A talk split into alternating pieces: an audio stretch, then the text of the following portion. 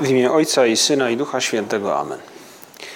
Panie mój i Boże mój, wierzę mocno, że jesteś tu obecny, że mnie widzisz, że mnie słyszysz. Uwielbiam Cię z najgłębszą czcią. Proszę Cię o przebaczenie moich grzechów i o łaskę owocnego przeżycia tego czasu modlitwy.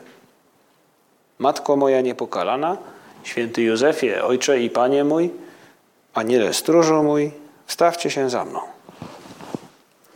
Pan Jezus towarzyszy nam w Przenajświętszym Sakramencie i rozpoczęliśmy tę, tę chwilę naszej modlitwy, przypominając sobie, że On tu jest, że nas widzi, że nas słyszy i możemy raz jeszcze, może bardziej świadomie powiedzieć Mu, Panie Jezu, pomóż mi, żeby ten czas, który teraz spędzam tutaj w tej kaplicy, e, przed Tobą, w tabernakulum, żeby to był czas, w którym porozmawiamy którym Ty skierujesz, gdzieś obudzisz w moim sercu jakąś dobrą myśl, która pomoże mi przeżyć nadchodzące godziny czy dni może nawet, no ze świadomością, że jesteśmy przyjaciółmi.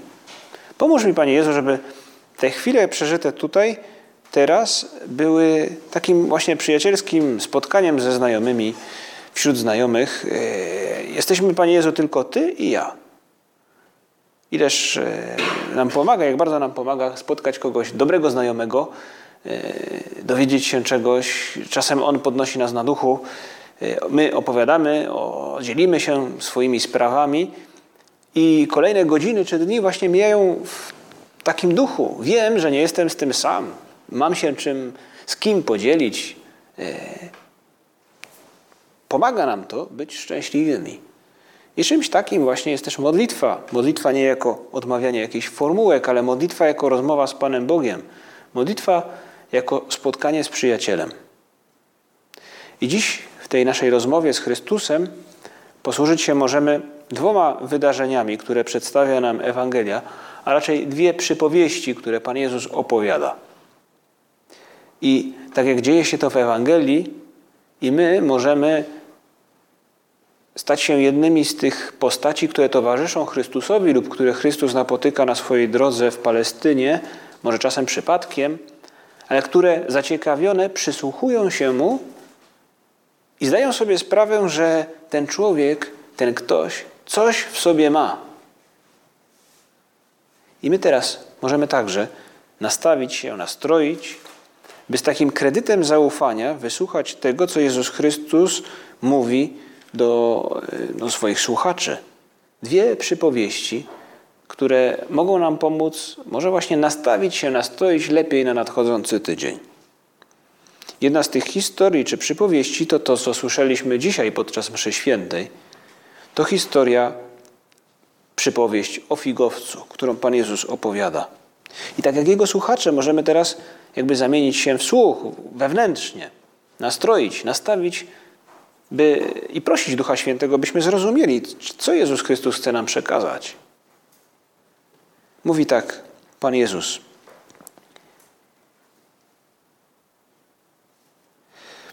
Opowiedział, tak mówi święty Łukasz w Ewangelii, i opowiedział im Pan Jezus następującą przypowieść.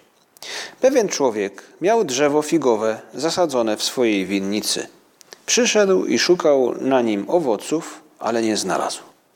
Rzekł do ogrodnika: Oto już trzy lata, odkąd przychodzę i szukam owocu na tym drzewie figowym, a nie znajduję. Wytnij je, po co jeszcze ziemię wy, wyjaławia? Lecz on mu odpowiedział: Panie, jeszcze na ten rok je pozostaw. Ja okopię je i obłożę nawozem, może wyda owoc. A jeżeli nie, w przyszłości możesz je wyciąć. Jezus Chrystus opowiada tę historię jakby przypowieść w takiej pedagogii, Bożej pedagogii, jak dobry nauczyciel w Izraelu, który starał się obrazami zilustrować swoim słuchaczom e, pewną prawdę, na której najbardziej mu zależy. I my, znajdując się teraz blisko Pana Jezusa, możemy chyba właśnie zrozumieć to, co Jezus Chrystus jako Syn Boży stara się dać nam do zrozumienia.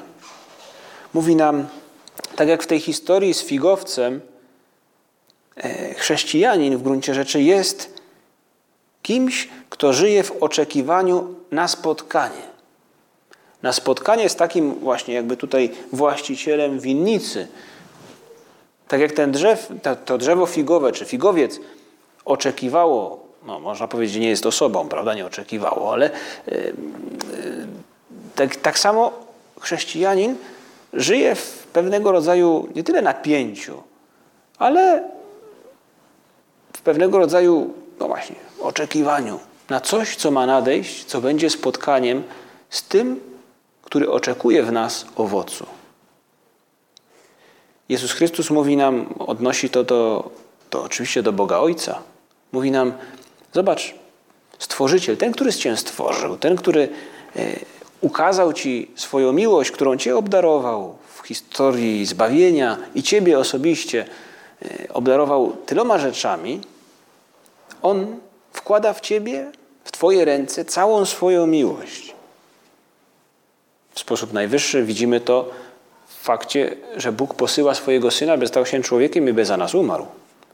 Ale Bóg, który wkłada w nasze ręce, w nasze życie całą swoją miłość, oczekuje owocu, byśmy tę miłość odwzajemnili. Odwzajemnić tę miłość tak naprawdę wydobywa w nas, z nas cały nasz potencjał, doskonali nas. I może każdy z nas dzisiaj zastanowić się nad tym, w jaki sposób historia tego figowca odnosi się do mnie konkretnie. Nie chodzi o to, by czasem ktoś może powiedzieć, no taka historia, to, to, to człowiek sobie pomyśli i to zawsze się zdołuje, prawda?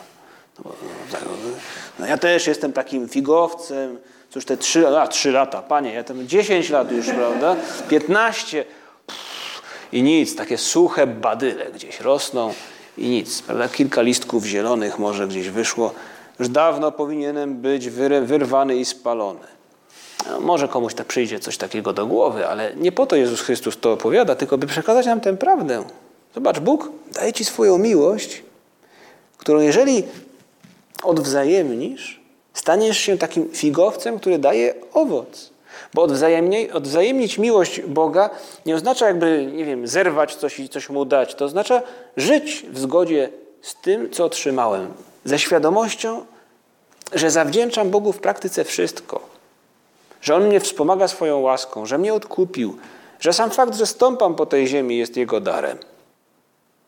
I to popycha człowieka do czynów, do działania, które jest tym owocem de facto, do tego, by kochać innych bardziej niż samego siebie, by wykorzystywać czas, by także no, modlić się, modlić się, zwracać do Boga tak bezpośrednio, tak jak w tej chwili staramy się to czynić. Każdy z nas na swój sposób, na własną rękę.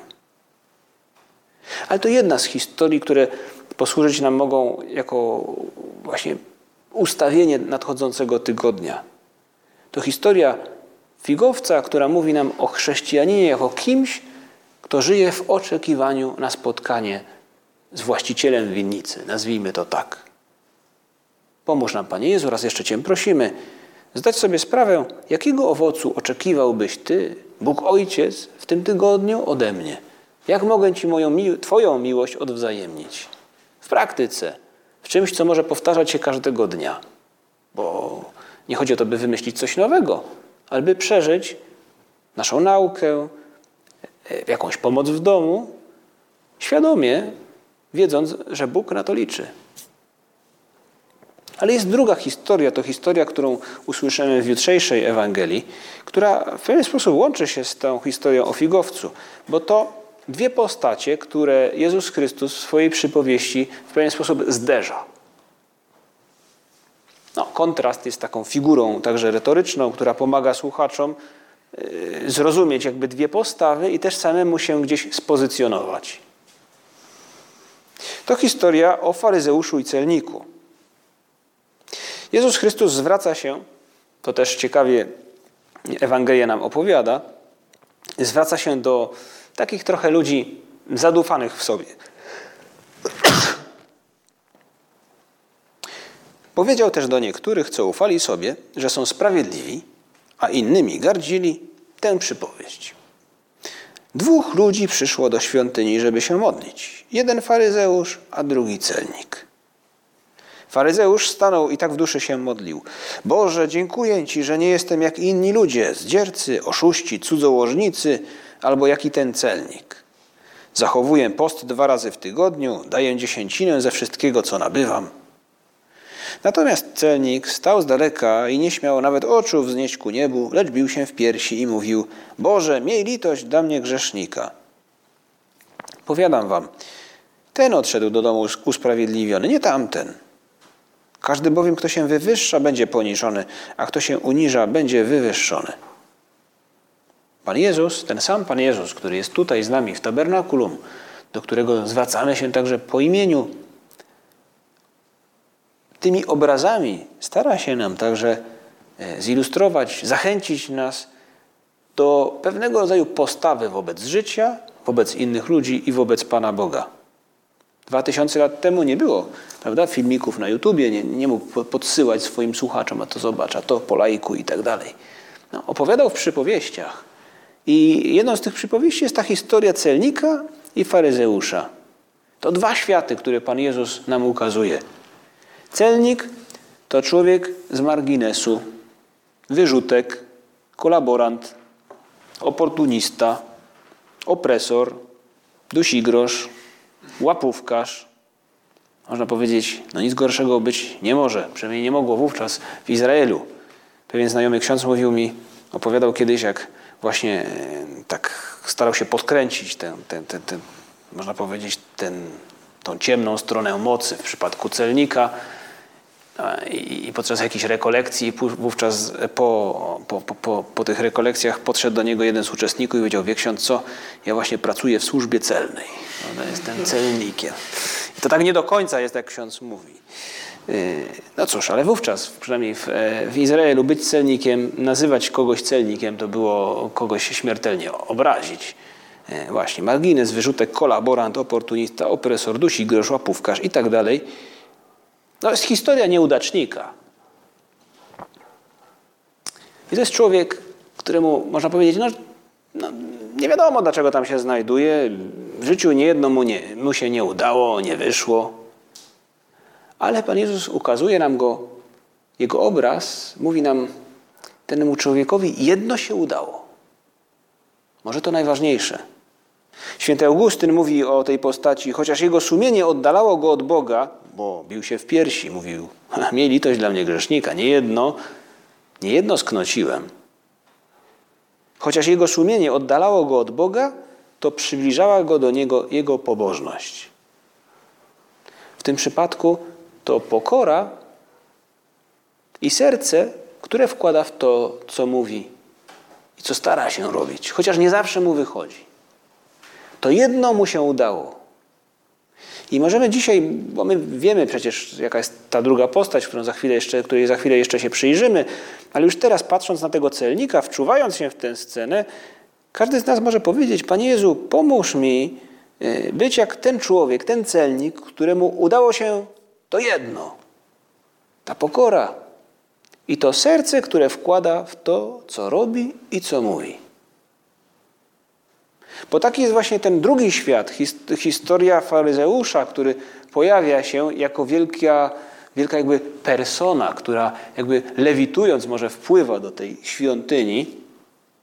To e, człowiek elity, który a, przynajmniej zewnętrznie może liczyć na poszanowanie ze strony innych. Być może gdzieś za jego plecami ludzie się pod, podśmiechują, prawda? Podśmiechują, e, może go przedrzeźniają, może nawet patrzą na niego z pewną pogardą. Ale to bez wątpienia człowiek z innej sfery. Ale jednocześnie e, to człowiek, któremu inni okazują szacunek z pewnego rodzaju służalczością. Pan Jezus specjalnie przerysowuje te dwie postacie, by pokazać trochę tak jak w powieściach Dickensa, czy w filmach nakręconych na ich, pod, na ich podstawie widać postacie niesamowicie przerysowane, kontrastowe. Tak jakby e, no, ten zły nie może być bardziej zły, a osoba dobra no już bardziej dobra i szlachetna być nie może. Trochę podobnie jest w tej, w tych historii, w tej historii, przynajmniej którą Chrystus z, pewnie z, no, z życia wziętą nam opisuje. No, ten faryzeusz to człowiek, który patrzy z góry, który zjadł wszystkie rozumy, no, taka chodząca mądrość. Jest przez Pana Jezusa przedstawiony w pewien sposób komicznie nawet, napuszony niczym paw. I ten e, faryzeusz przedstawia Bogu w tej świątyni litanię swoich zasług. Och, jaki jestem wspaniały. Jak dobrze, jak dobrze, że to mi wychodzi. Hmm. Myśli, że się modli, a w rzeczywistości to monolog, jego litanijny monolog o nim samym. Napisałem poemat. Jakiż to jestem wspaniały. Strach, aż strach pomyśleć, co jeszcze świat będzie mi zawdzięczał. Tak Pan Jezus przedstawia ten świat faryzeusza i jednoznacznie daje nam do zrozumienia, nie trzeba być wielkim egzegetą, by zrozumieć, że Pan Jezus pokazuje nam drogę tego celnika, któremu wiele rzeczy nie wyszło, ale to jedno mu się udało. Coś, czego brakuje faryzeuszowi. Być człowiekiem pokornym i mieć świadomość, że mimo moich grzechów, mimo moich wad, Bóg mnie kocha, Bóg mi pomaga. W związku z tym warto, abym włożył serce w to, co robię w to, co mówię, a nie tylko w pusty sposób odmawiał pewnego rodzaju monolog na mój temat. Pycha jest w stanie zatopić owoc najlepszej modlitwy. Zadufanie w sobie, które polega też na tym, że człowiek pewne rzeczy odbębnia, odklepuje, odrabia. Pycha przez swój ciężar zatapia sprawiedliwość. W tej właśnie przypowieści Pan Jezus mówi, no, że celnik odchodzi usprawiedliwiony. I odnosząc do, to do Ewangelii tej pierwszej, tej dzisiejszej z historii o Sfigowce, można powiedzieć, ten człowiek wydał owoc. To napięcie w, między początkiem a końcem, czyli to oczekiwanie na spotkanie z ogrodnikiem czy z właścicielem winnicy, w tym przypadku nastąpiło i, i nastąpił happy end ten człowiek odchodzi usprawiedliwiony. Wydał owoc. Usprawiedliwienie w tym przypadku to jest sztuka podobania się Bogu. Możemy pomyśleć, każdy z nas może sobie to wyobrazić. Właśnie Bóg jako nieskończona dobroć, Bóg jako nieskończona moc, który właśnie w taki dobry, mocny sposób spogląda na tego właśnie celnika. Podoba się Bogu. I każdy z nas może teraz właśnie zapragnąć tego. Panie Jezu, oby mi się udało, tak jak temu celnikowi, to jedno osiągnąć, żebym podobał się Bogu w tym, co robię. Gdy się uczę, gdy spotykam się z przyjaciółmi, gdy gram w piłkę, gdy oglądam mecz, gdy gram na komputerze, gdy przeglądam Facebooka, gdy odpowiadam komuś na jakąś wiadomość, gdy przygotowuję obiad, gdy sprzątam po śniadaniu, po kolacji, kiedy wchodzę do autobusu, podobać się Bogu. Bo mogę przeżywać moje życie z jednej strony trochę jak ten faryzeusz, co może rzadziej się spotyka, prawda? Ale czasami nas też dotyka taka pycha. Też. Ale bardziej chodzi może o to, że możemy przeżywać świat, nasz, to wszystko, co robimy, nieświ no, nieświadomie. Jakby prze, przelewać się może nam przez palce ta krystaliczna woda źródlana. Życie, które mogę przeżywać ze świadomością, że podobam się Bogu, że jestem blisko Niego. Pomyślmy, zastanówmy się, no właśnie jak w moim przypadku, jak ja w XXI wieku mogę naśladować tego w tej dobrej postawie, w tym, co mu się udało, tego celnika sprzed dwóch tysięcy lat. Podobać się Bogu. Zdawać sobie sprawę z tego, z wartości tego, co czynię w oczach Bożych. W taki praktyczny sposób oznacza to mieć świadomość tego, że Bóg jest blisko mnie i że patrzy na mnie, gdy robię, gdy, gdy zajmuję się różnymi rzeczami. Bóg na mnie patrzy, robię to dla Niego. Robiąc to, de facto rozmawiam z Nim. I my jesteśmy ludźmi, którzy żyją, jakby to powiedzieć, no, no, w normalnym życiu, w świecie. Nie jesteśmy zakonnikami, nie jesteśmy pustelnikami, którzy odsuwają się od zgiełku ulicy, żeby w ciszy wsłuchiwać się w głos Boga. Oni są pewnego rodzaju świadectwem dla nas, poświęceniem, które także odzwierciedla to, co przeżywać będziemy na końcu czasów, gdy w stu procentach będziemy z Bogiem, w stu procentach czasu, przestrzeni. Ale my, nas, żyjących pośród świata, Bóg prosi jakby o to samo, o świętość, o tę przyjaźń z Nim, nie uciekając od naszych codziennych zajęć, ale właśnie odnajdując Go w nich. Pomóż nam, Panie Jezu, zdobyć się na taki jakby praktyczny wniosek na ten tydzień, jak przypominać sobie o Twojej obecności, gdy będę robił to, co robię. Moje obowiązki, moje zajęcia, niektóre wspaniałe, które, jakby, które mnie pasjonują, a inne takie no, normalne, codzienne, mycie garów chociażby, czy, czy zamiatanie podłogi. Pomóż mi, Panie Jezu, znaleźć sobie jakiś sposób, żebym sobie o tym przypominał. Założyciel Opus Dei w drodze zapisał tak wśród tych myśli, które mogą posłużyć nam właśnie jako, jako punkt wyjścia do naszych rozważań, czy też e, rozmowy z Panem Bogiem, czy czasami po prostu poddają dobre pomysły, e, napisał w ten sposób. Pamiętaj o obecności Bożej, a będziesz żyć życiem nadprzyrodzonym. Życie nadprzyrodzone to tak naprawdę życie łaską, życie to zwykłe, naturalne, w którym towarzyszy nam świadomość, że łaska mi pomaga i przyjaźnię się z Panem Bogiem, z Jezusem Chrystusem. Doceniam Jego, każdy Jego gest wobec mnie w historii zbawienia, w, w Ewangelii. Doceniam Jego pomoc, Jego obecność w Przenajświętszym Sakramencie i w sakrament, pozostałych sakramentach. No, to jest żyć życiem nadprzyrodzonym, do którego zostałem stworzony, do przyjaźni z Bogiem. I mówi święty Josemaria, to będzie możliwe, to ci się uda, a mówi to do studentów, tak tymi wówczas był otoczony, gdy pisał te, te słowa, e, mówi, to ci się uda, to będzie możliwe, jeśli będziesz pamiętał o obecności Bożej, o tym, że Bóg jest blisko ciebie. Jest taka powieść Cytadela, Kronina, w której e, autor opisuje e, historię młodego lekarza, który trafia do takiej osady górniczej, w której wszystko jest ciemne, e, przyprószone węglem. Taka właśnie no, smutna atmosfera. W dodatku to jest człowiek z ideałami, który trafia do, jako taki praktykant do starszego lekarza, który jest starym takim właśnie zgredem, który wszystko już jedno, wszystkie ideały to już dawno, dawno temu się zmarnowały. Należy tylko przeżyć, skasować i by, a, jakoś tam będzie. I ten człowiek młody yy, w tej całej beznadziei i też no, poważnych trudnościach, takich jakie przeżywają ludzie zdrowotnych, którym stara się jakoś zaradzić ze swoimi ideałami, spotyka właśnie, yy, zakochuje się w miejscowej nauczycielce. I autor opisuje w tej powieści, jak zmienił, zmienił się, zmieniło się jego podejście, które zaczynało być już trochę takie jak tego starego wrednego lekarza, któremu wszystko było jedno, trochę już zaraził się od niego i nagle zakochany w tej nauczycielce stwierdził, nie, ja nie mogę tak.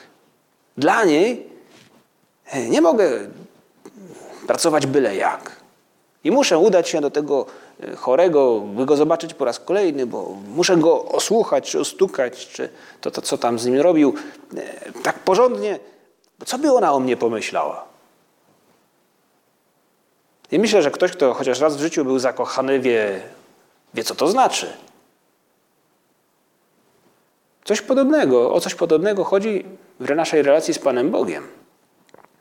No, de facto nasza relacja z Panem Bogiem to też miłość innego rodzaju niż ta ludzka, ale jednak przyjaźń, miłość. I chodzi o to, by znaleźć, by podjąć pewnego rodzaju wysiłek, ludzki wysiłek, żeby nie zapominać o tym, że Bóg jest blisko mnie. Pomóż mi, Panie Jezu, przypominać sobie Właśnie tak jak ten lekarz. Co Ty, Panie Boże, byś o mnie pomyślał? Gdy mam się zabrać do nauki, gdy mam rano wstać może i, i mi się tak naprawdę do końca nie chce. No, potrzebne nam są ludzkie sposoby, by sobie przypominać. Coś, co mi jakby mnie obudzi, czasem w takim jakimś, jakiegoś rodzaju amoku, y, gdy zapominam, że Bóg jest blisko mnie.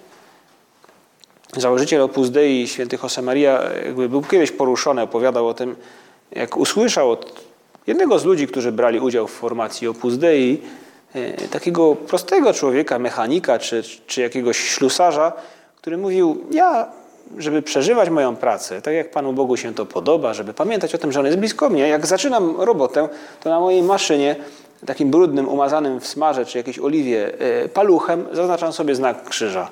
Taki po prostu, taki o. I to mi przypomina, bo od czasu do czasu na niego patrzę i mówię, aj Panie Boże, no teraz znowu wysilę się, bo to już mi się nie chce, ale zrobię to porządnie dla Ciebie. To jest obecność Boża. Pisze też w tej książce święty Josemaria o, o spotkaniu ze studentem z, z, z, głównego wówczas uniwersytetu w Madrycie w Hiszpanii w latach 30. XX wieku. I pisze tak e, o nim. Ojcze, mówił mi pewien chłopak. Co się z nim sta, mogło stać? Dobry student z La Central, tak nazywał się ten uniwersytet. Myślałem o tym, co ojciec mi powiedział, że jestem synem Bożym. I zauważyłem, że nagle idę ulicą z dumnie podniesionym czołem i przepełniony pychą. Syn Boga.